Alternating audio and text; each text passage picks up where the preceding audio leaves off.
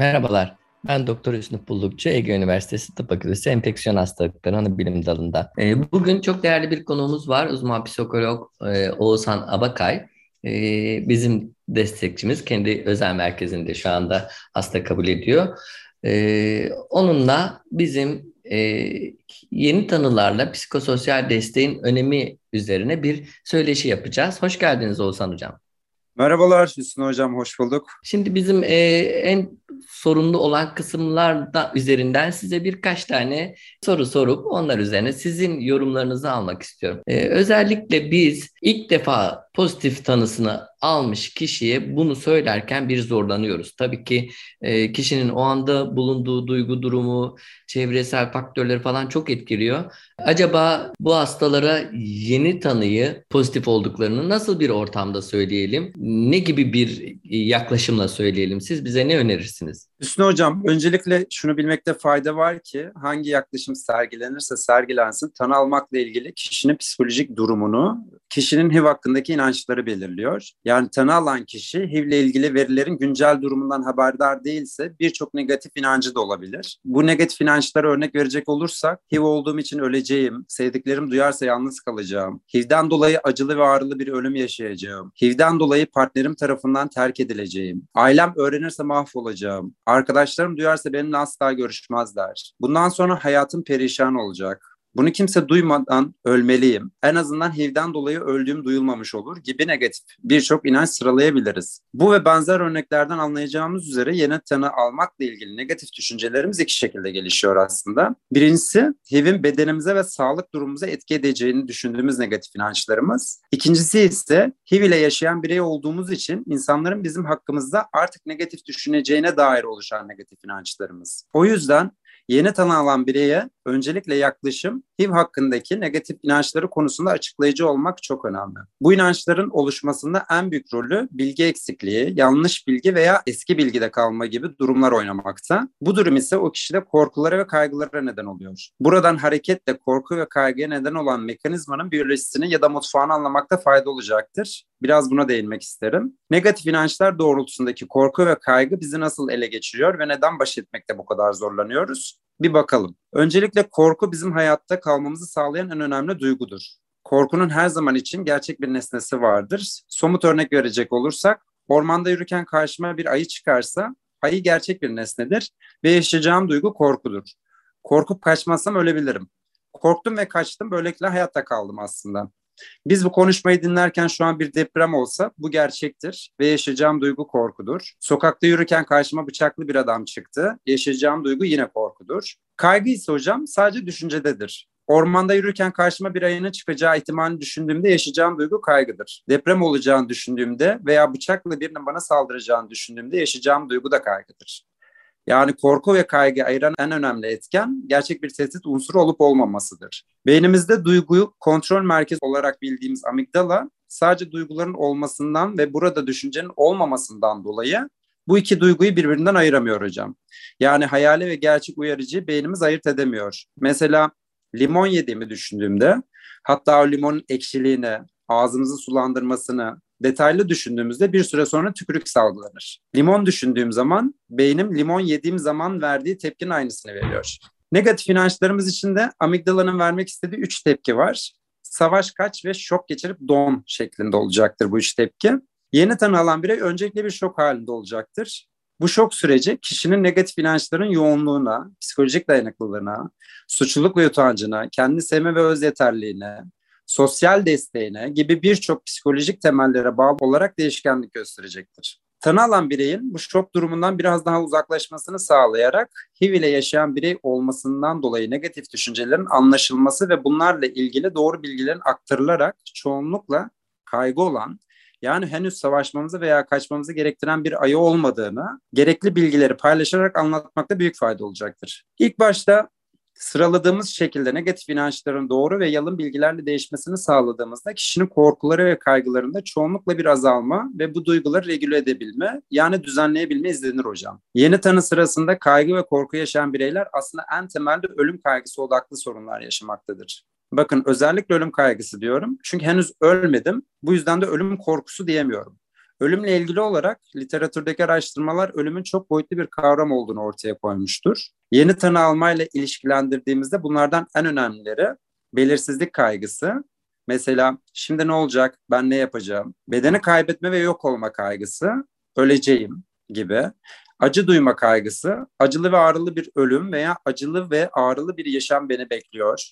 Yakınlarını kaybetme ve yalnız kalma kaygısı, sevdiklerim beni terk edecek gibi.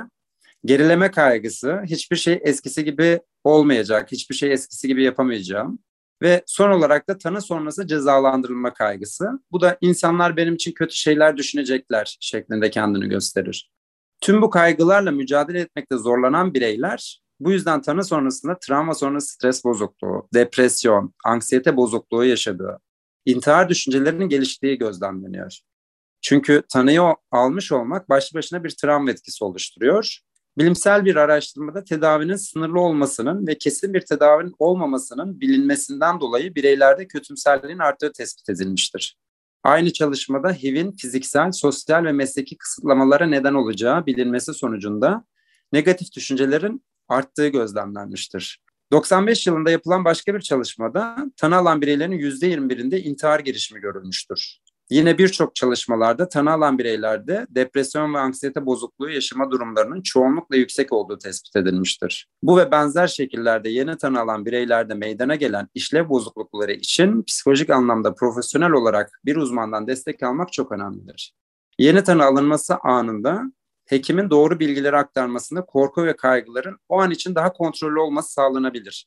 Ancak sonrasında oluşabilecek bahsettiğimiz tarzda herhangi bir işlev bozukluğunun olmaması için psikoloğa ve psikiyatriste yönlendirilmesi de büyük fayda sağlayacaktır hocam. Evet biz de poliklinik şartlarında gerçekten e, birçok hastayı böyle görüyoruz. Benim de biraz gözlemlediğim aslında entelektüel düzeyi biraz daha e, yüksek gibi olup e, biraz daha bilgili olanların kaygılarının biraz daha az olduğu e, ya da testi arka arkaya defalarca yaptırmış olanların biraz daha fazla okuyarak e, son gelişmeleri gördüklerini e, ve bu tanıya hazırlıklı olduklarını görüyoruz ama bazı gruplar hakikaten hiçbir şey yokken ortada birdenbire pat diye e, fırsatçı bir enfeksiyonla ya da fırsatçı bir maniteyle e, karşımıza geldikleri için onlarda biraz daha zorlanıyoruz tabii. Destek istiyoruz e, sizlerden. Devam eden şartlarda e, maalesef hastaların psikolojik değerlendirmelerini çok ciddi yapamıyoruz. Zaten hatta bazı e, hastanelerde 7 dakikada bir, 10 dakikada bir hasta görmek durumunda olan arkadaşlarım var. Yani bizler biraz daha rahatız tabii üniversitede. E, onlar hepten zorlanıyorlar. Acaba bu anksiyetelerini ya da depresif hallerini kısaca sorgulayabilecek bir yöntem, herhangi bir böyle hani SF36 mesela çok uzun bir şeydi. Onun, onun böyle kısa bir hali öyle bir şeyler var mıdır acaba? Hocam travma etkisi oluşturan çoğu olay psikolojik olarak bir soruna neden olabiliyor. Yeni tanı almış olmanın da bir travma olduğundan hareketle aslında bu durumun küçük veya büyük bir psikolojik sorun olacağını de değerlendirmekte o birey için önemli olacağını düşünüyorum. Yani yeni tanı alan tüm bireylerin psikolojik destek alması bu aşamada tabii ki çok önemli. Ancak anksiyete, depresyon, travma sonrası stres bozukluğu gibi daha majör sorunların yaşandığı durumları anlayabilmek ve kesin bir şey söylemek yeni tanı alındığı anda çok da kolay olmayabilir. Tabii ki sizin bahsettiğiniz sorunlar dahilinde de. Mesela hastanelerde bu sürenin çok kısıtlı olması gibi. Burada izlenmesi ve izlediğimiz şeylerden dolayı bu majör şeylerin olabilme ihtimalini düşünebileceğimiz birkaç önemli noktaya değinmek isterim.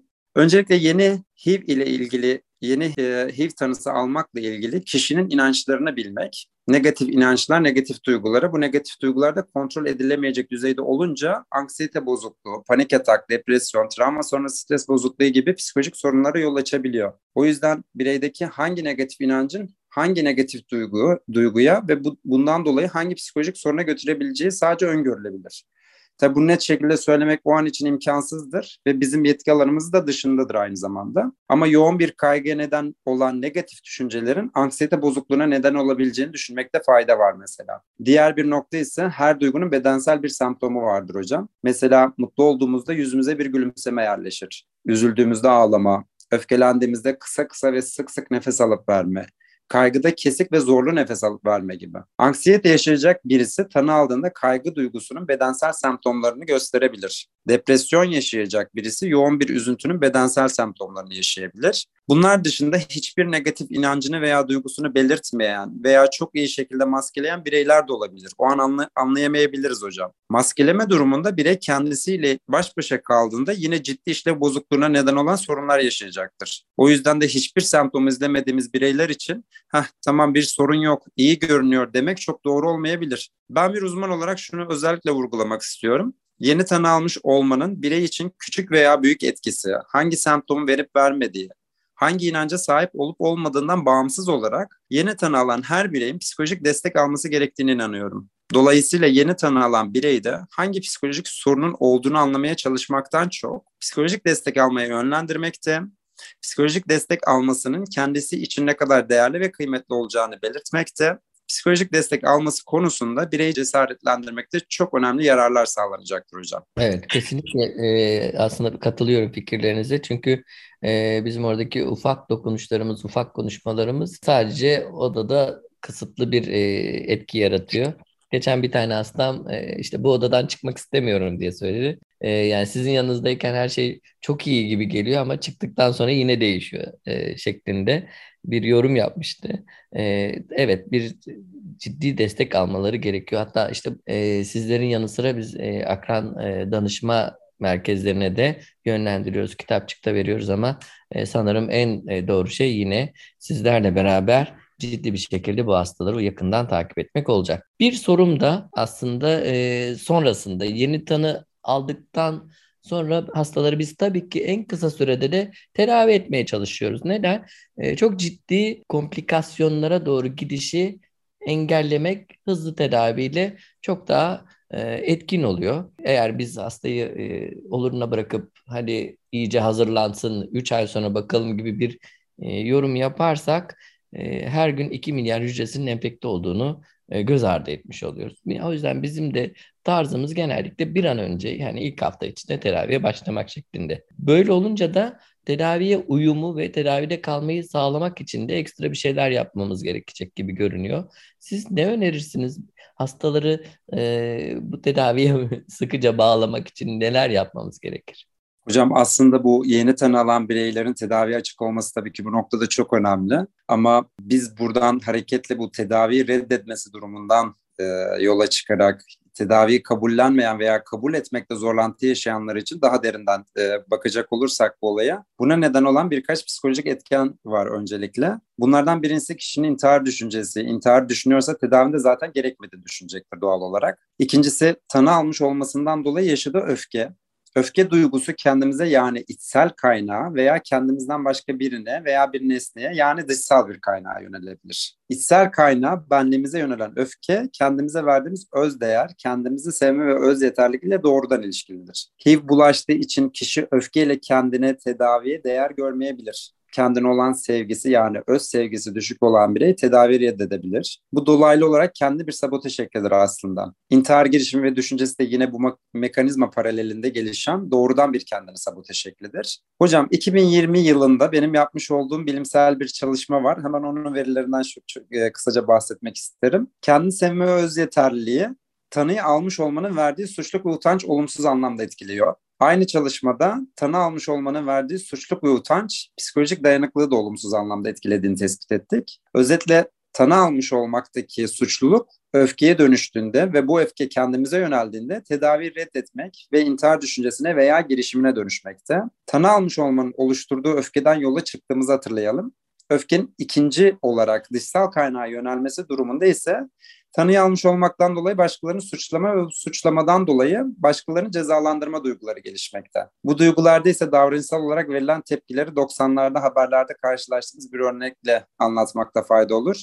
Ee, HIV ya da AIDS olan birey tedavi olmayı reddetmiş ve seks yapabildiği herkesle seks yaparak bana bulaştı, herkese bulaşsın şeklinde bu durumun acısını çıkarmak istemiştir. Tarzında bir haberi çoğumuz hatırlayacağız. Bu örnek öfkenin dışa yönelme şeklini belirtiyor aslında. Başkalarını cezalandırma isteği tanının paylaşıldığı kişilerin verdiği tepkilerle de ilişkili olabiliyor. Mesela tanıyı yakınlarıyla paylaşan ama bu yüzden herhangi bir negatifliğe maruz kalan birey gerek suçluluk ve utancından veya kendini sevme öz yeterliliğinin düşük olmasından dolayı gerekse yine bu mekanizmalardan dolayı olumsuz tepki veren kişiyi ya da kendini cezalandırma ile intihar düşüncesine veya girişimine yönelebiliyor. İşte tam bu noktada tedavi uyum sağlanması ve ikna edilmesi sürecinde az önceden beri bahsettiğimiz bu mekanizmaların varlığını anlamanın en iyi yolu kişinin tanı almakla ilgili inançlarını anlamaktan geçecektir hocam. Bu, mekaniz bu mekanizmalarla ilgili sorun olduğunu anladığımız bireyler için psikososyal desteğin önemi yine gündeme gelmekte. Çocuklukta öz değer, öz sevgi ve öz şefkat duygularını geliştiremeyen bireyler o an tanı aldığından dolayı tüm bu sorunları yaşadığını düşünebilir. Çünkü bunun çocukluğumuzla ilişkili olduğunu düşünmeyi pek istemeyiz. Bu durumun, bu negatif duygu ve düşüncelerin o an orada ve o tanıyı almakla ilişkili olduğunu düşünmek isteriz. Tüm dünyada kabul gören en önemli travma terapisini oluşturan Francis Shapiro EMDR terapi bu arada oluşturduğu terapi tekniği. Bu durum için der ki çocuklukla ilgili olduğunu düşünmek daha çok suçlu ve başarısız hissettirir. Yani tüm bu negatif duygu ve düşüncelerin baş edilemeyecek derecede yaşanmasının bakın özellikle baş edilemeyecek derecede diyorum ki aslında yeni tanı almış olmanın herkese bir travma etkisi yaratabileceğini normal olduğunu bu travmanın uzun süre boyunca etkisinden kurtulamıyor olmanın çocukluğumuzdan bu yana gelen bir döngüyle ilişkili olabileceğini söylemeye çalışıyorum burada. Yeni tanı almak travmaya neden olabilir. Bu travmayla birlikte negatif düşünce ve davranışlardan kurtulamamak ise çocuklukta oluşturduğumuz düşünce ve davranış örüntüleriyle yani izlediğimiz paternler ilişkisi olabilir. Eğer birey bu travmanın etkilerinden kurtulamıyorsa da psikolojik destek alarak bu döngülerin kendisinde değişmesini sağlayabilir. Bu döngülerin değişmesi herhangi bir psikolojik destek almadan imkansız ve yetersiz değildir diyemesek de çoğunlukla çok geç ve zor olduğunu biliyoruz. O yüzden bu süreci bir uzmanla birlikte yürütmekte büyük fayda olacaktır hocam. Evet valla e, aslında ne kadar karmaşık bir e, duygu durumu olduğunu siz böyle anlatınca daha da e, biz de içselleştiriyoruz. Öyleyse e, toparlayacak olursak biz hani hep senelerdir konuşurken sakin bir ortamda e, tek başımıza değil yanımızda muhtemelen e, başka bir hekim ya da işte bu işte gönül vermiş bir hemşire arkadaşla açıklayalım derken e, sonrasında da artık hemen mutlaka bir psikolog desteği ya da psikiyatrist desteği olması gerektiğini e, anlatmamız gerekecek arkadaşları gibi. Sonrasında da tedavide tutmak için e, bu hastaları yine sizlerden destek almaya devam etmeniz gerekiyor gibi görünüyor. Evet hocam çok e, doğru bilgiler e, verdiniz siz de. Bu aslında buradaki o duygu açılımlarını ya da o negatif inançların bizi nasıl ele geçirdiğini e, anlatmakta şunu hedefliyordum. Bu durumun aslında çok komplike olduğunu anlamında büyük fayda sağlayacağını düşünüyorum. O yüzden tek bir şeye temellendirebileceğimiz bir durum olmayabilir çoğunlukla. Bu komplike durumları çözmek için de psikososyal desteğin önemi aslında burada tam olarak ortaya çıkmış oluyor. Evet, gerçekten öyle. Siz, sizlerin e, uzmanlığına çok ihtiyacımız düşüyor. Bu, bu e, yeni tanı alan hastalarda. Daha sonrasında aslında hani aradan böyle bir 3-6 ay geçtikten sonra e, normalleşiyorlar. Hayatlarına daha normal e, gidiyorlar. Hatta bazıları şey diyor yani hapı içtiğim e, o saatten başka zaman aklıma bile gelmiyor. Hani pozitif olduğum şeklinde yorumlara e, geliyorlar. Tabii gerçekleri de öğrenmiş oluyorlar ve rahatlamış da olabiliyor ama bir kısmı da gerçekten bunu atlatmakta çok da zorlanıyor. İlk aşamada sizlere gerçekten büyük e, iş düşecek gibi görünüyor. E, öyleyse arkadaşlarımıza tekrardan duyuruyoruz. Yeni tanı alan hastalarımızı hem biz hem de psikologlar tarafından takip edilmesi ve ilk anlarda mutlaka desteklenmesi gerekiyor. Ee, bugün Oğuzhan Abakay ile beraberdik. Bize çok değerli bilgiler verdi. Hakikaten e, bu duygu karmaşıklığını gözler önüne daha böyle ayrıntılı bir şekilde serdi. Çok teşekkür ediyoruz kendisine. Yine başka bir programda tekrardan sizlerle birlikte olmak dileğiyle şimdilik hoşçakalın diyorum.